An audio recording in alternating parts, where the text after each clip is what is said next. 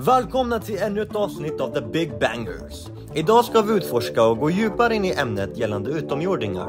Det är jag, Aram, och med mig har jag de storsinta och erfarna astronomerna Robin, Leonardo och Adin. Vi flyger rätt in på pannkakan med dagens extremt aktuella och relevanta första fråga.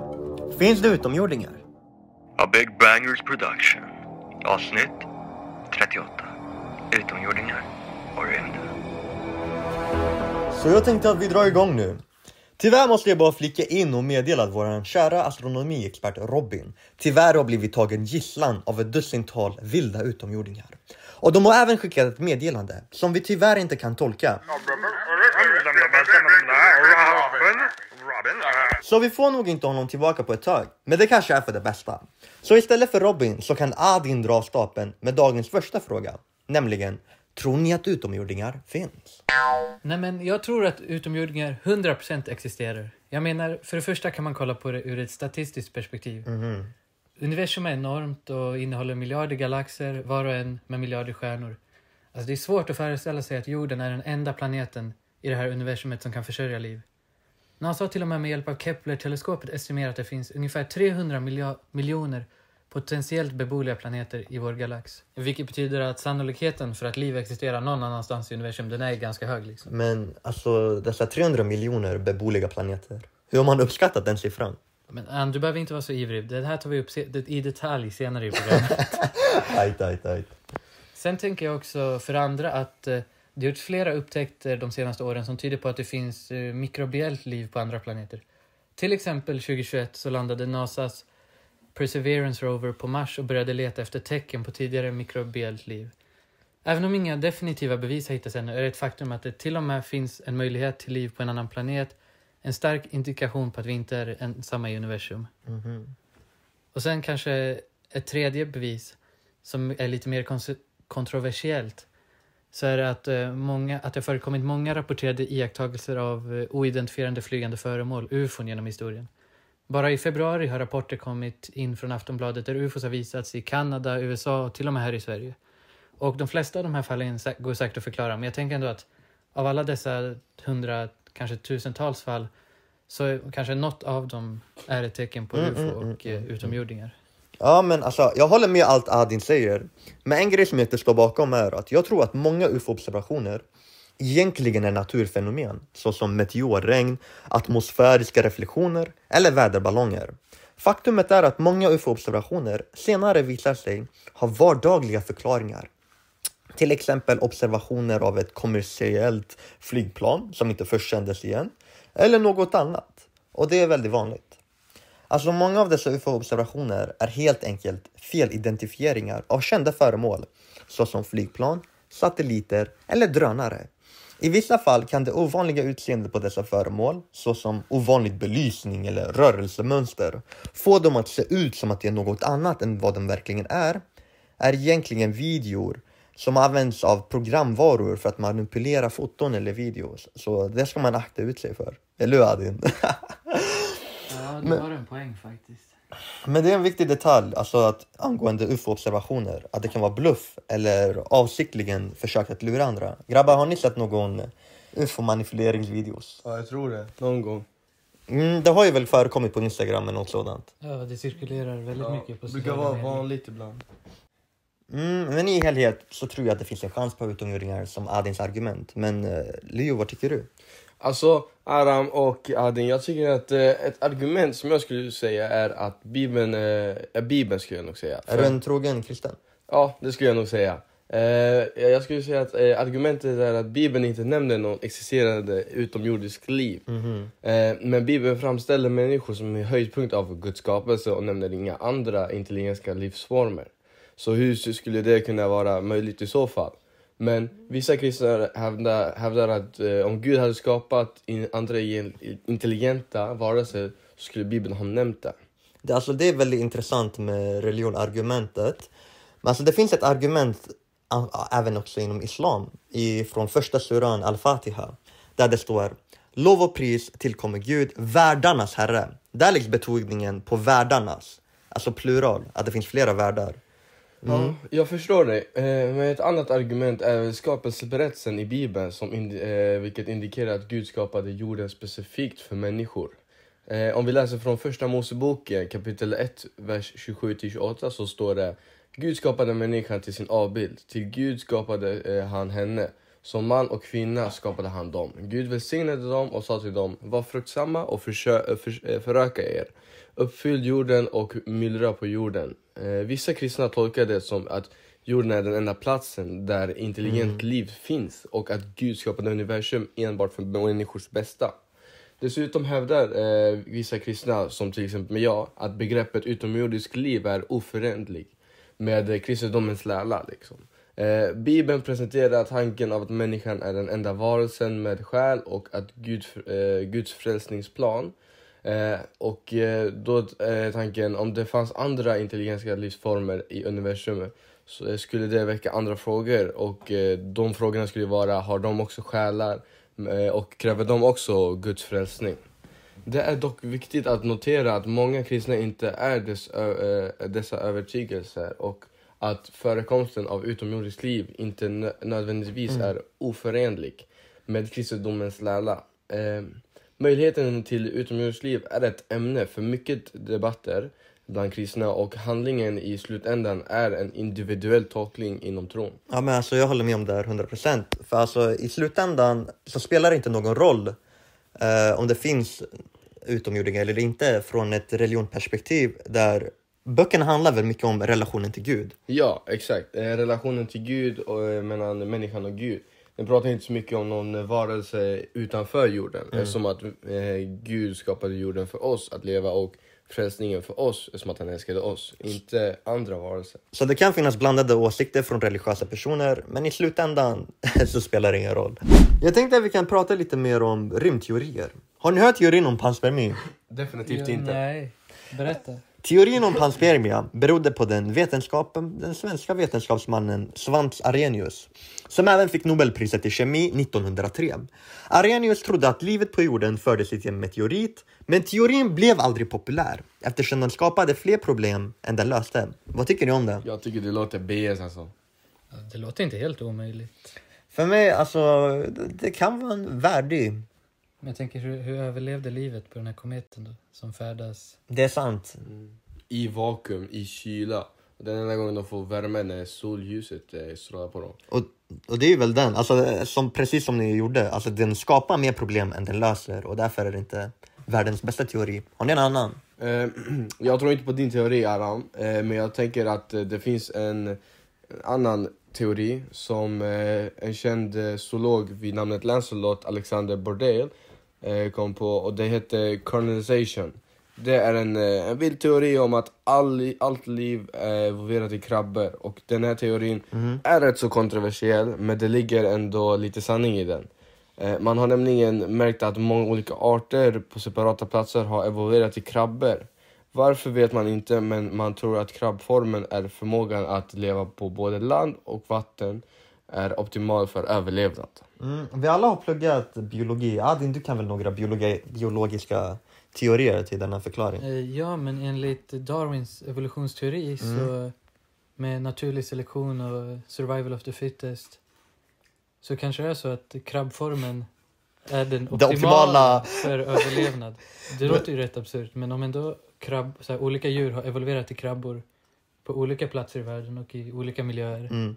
Då kanske krabbformen är Den optimala och bästa. det bästa kanske. Ja, det bästa. Men det här, eh, teorin tar upp en väldigt intressant fråga. Tänk vi så letar vi en planet och hittar en beboelig planet och vi på något sätt kommer fram och allting har evolverat i krabbor.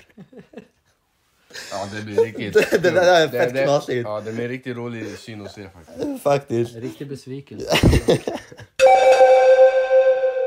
Jag tänkte ta upp teorin om det stora filtret, eller the great filter, som det heter på engelska. Och den här teorin förklarar varför vi inte har hittat några bevis på intelligenta utomjordiska civilisationer, trots den höga sannolikheten för deras existens som vi tog upp tidigare i programmet.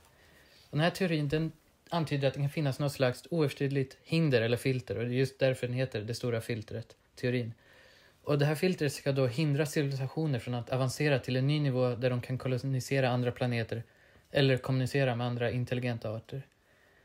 Och det här filtret kan vara något som utvecklingen av själva livet, uppkomsten av flercelliga organismer, utvecklingen av intelligens, förmågan att utnyttja energi i stor skala eller förmågan att överleva existentiella hot som asteroidnedslag, kärnvapenkrig eller klimatförändringar. Och den här teorin, vi vet inte vad det stora filtret är eller vart vi är i den här skalan. Den föreslår att vi, vi kanske antingen redan passerat den och då, det är kanske anledningen till varför vi inte hittar något annat liv. Vi är de enda som har kommit förbi filtret. Eller så kan det vara att vi, vi har filtret framför oss och det här är anledningen till att inget liv kan utvecklas så långt för det här filtret bara skördar bort allt liv som håller på att utvecklas.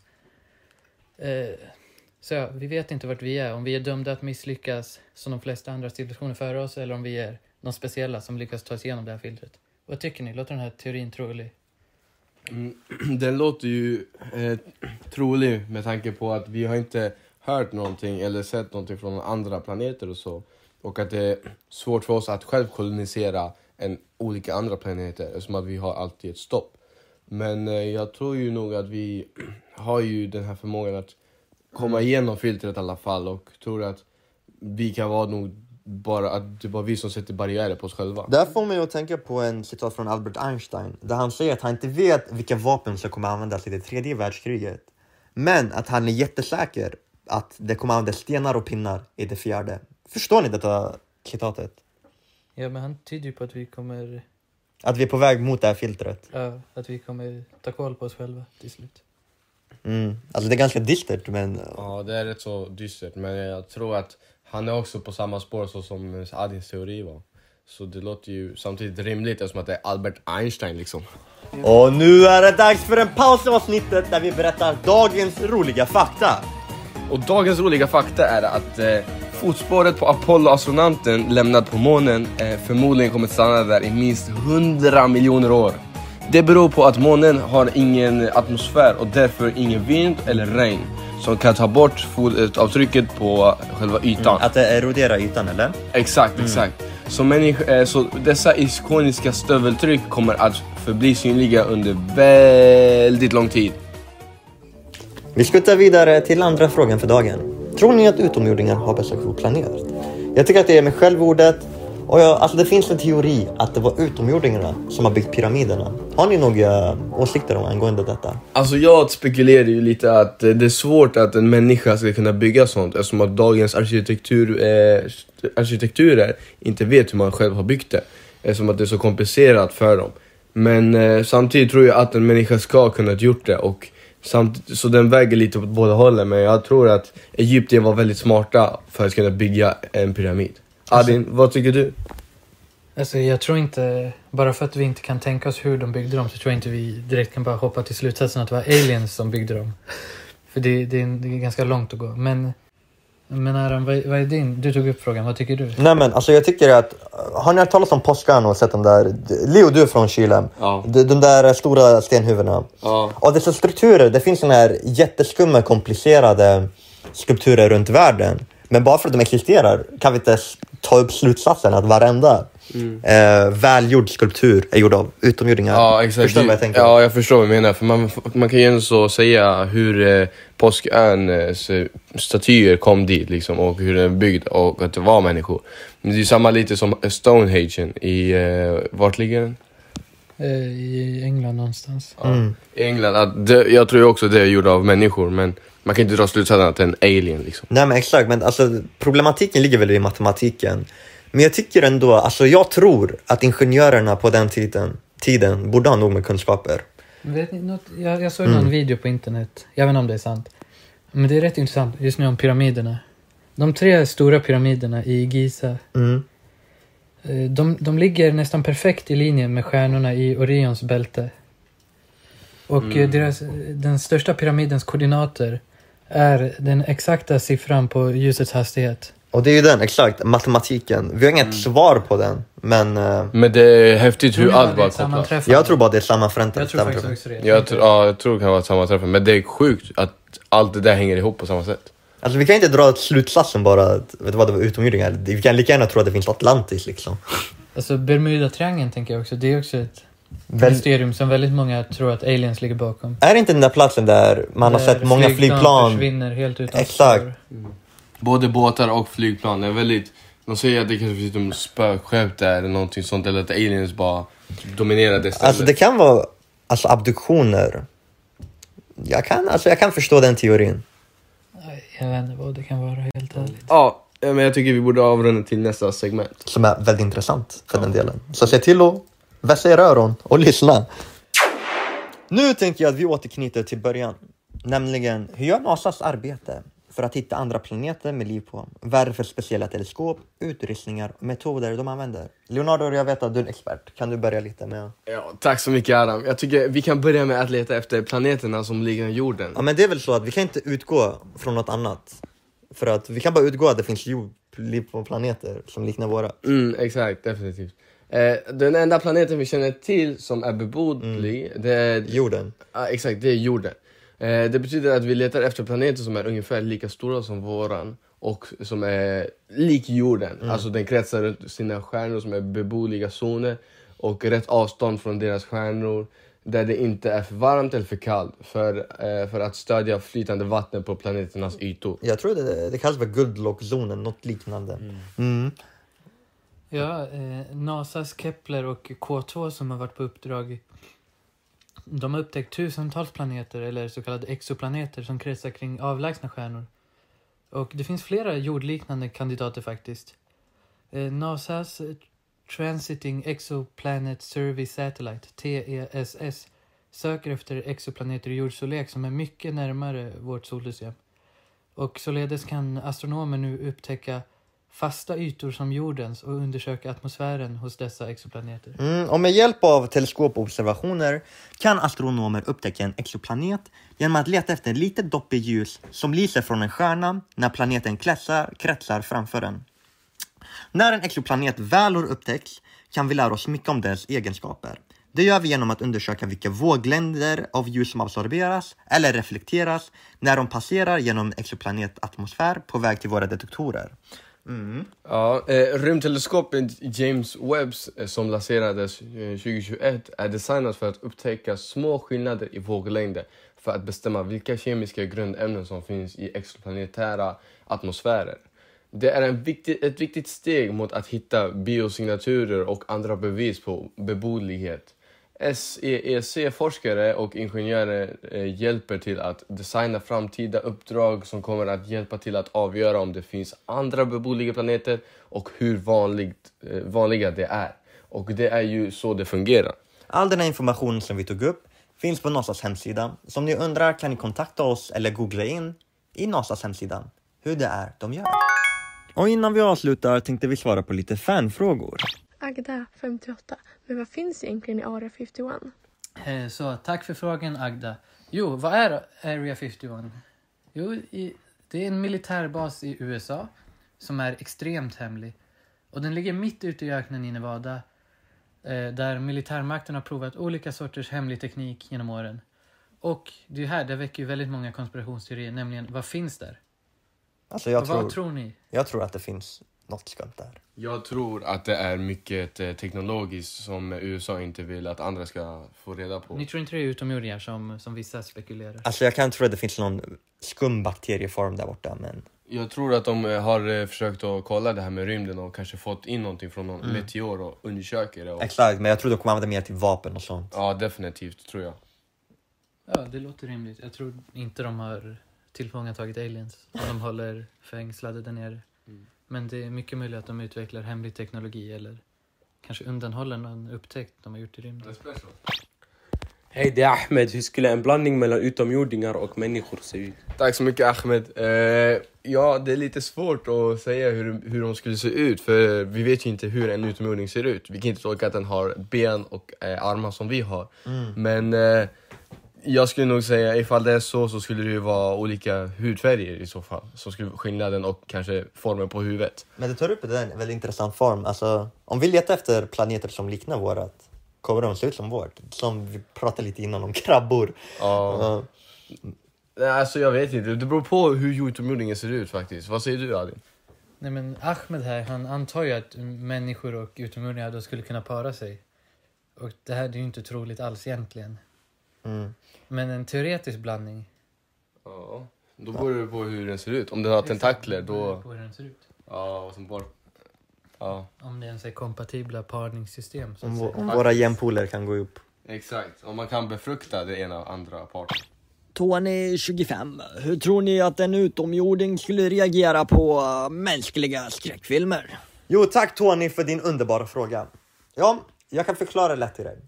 I september 1977 lanserade NASA en Voyager ifrån Cape Canaveral, Florida. Farkosten bar en gyllene skiva som innehöll ett meddelande till utomjordingar från jordens människor. Det innehöll många bilder av eh, vårt samhälle, musik och även vårt språk. Och bilderna vi undvek var krig, vapen och annat för vi ville inte skrämma utomjordingarna som får tag i den här skivan. Tyvärr har vi inte fått något svar från aliensen och vi tror inte att de har kommit fram till något. Men jag hoppas att detta svarar din fråga. Eh, I våra skräckfilmer då har vi ju blod. Det är oftast något som vi associerar med något läskigt. Om det är en väldigt blodig film då är, då är det oftast hög åldersgräns. Tror ni att aliens hade blivit rädda för blod? Mm, ja, och sen beror det ju också på, tänker jag, med apropå blod, att har de samma färg på blodet i så fall och vi associerar ju rött som blod. Eh, och då, om de ser rött, tänker de att det här är något annat. Så, om de tänker, men då, då blir inte de rädda av blod som vi ser det på. Och de kanske har en annan slags eh, uppfattning Fattning. av eh, skräck i deras hjärnor. Så jag tror det blir svårt att de ska bli rädda av för oss, för våra saker, när de har egna rädslor. Och det blir den här eh, kombon, eh, den är lite svår ska jag säga. Det beror på faktiskt. Det här får mig att tänka på det stora filtret. Alltså om de ser de här skräckfilmerna då antar de väl att vi är väldigt våldsamma och att vi inte kommit förbi det här filtret. Och att det där får mig att tycka att de inte skulle komma hit. Om de får reda på de här skräckfilmerna som förstahandsbevis.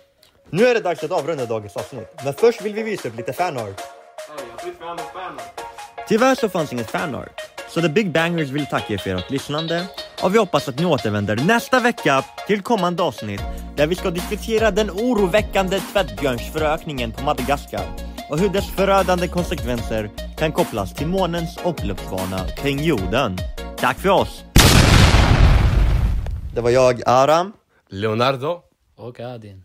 The Big Bangers! Grabbar, ni ska bara veta vad jag gått igenom. Grabbar, släpp mig! Hjälp mig, hjälp mig! Robin, Robin, Robin! Vi har ingen tid för det här. Kom tillbaka nästa. Nästa vecka. Ja, vi ses.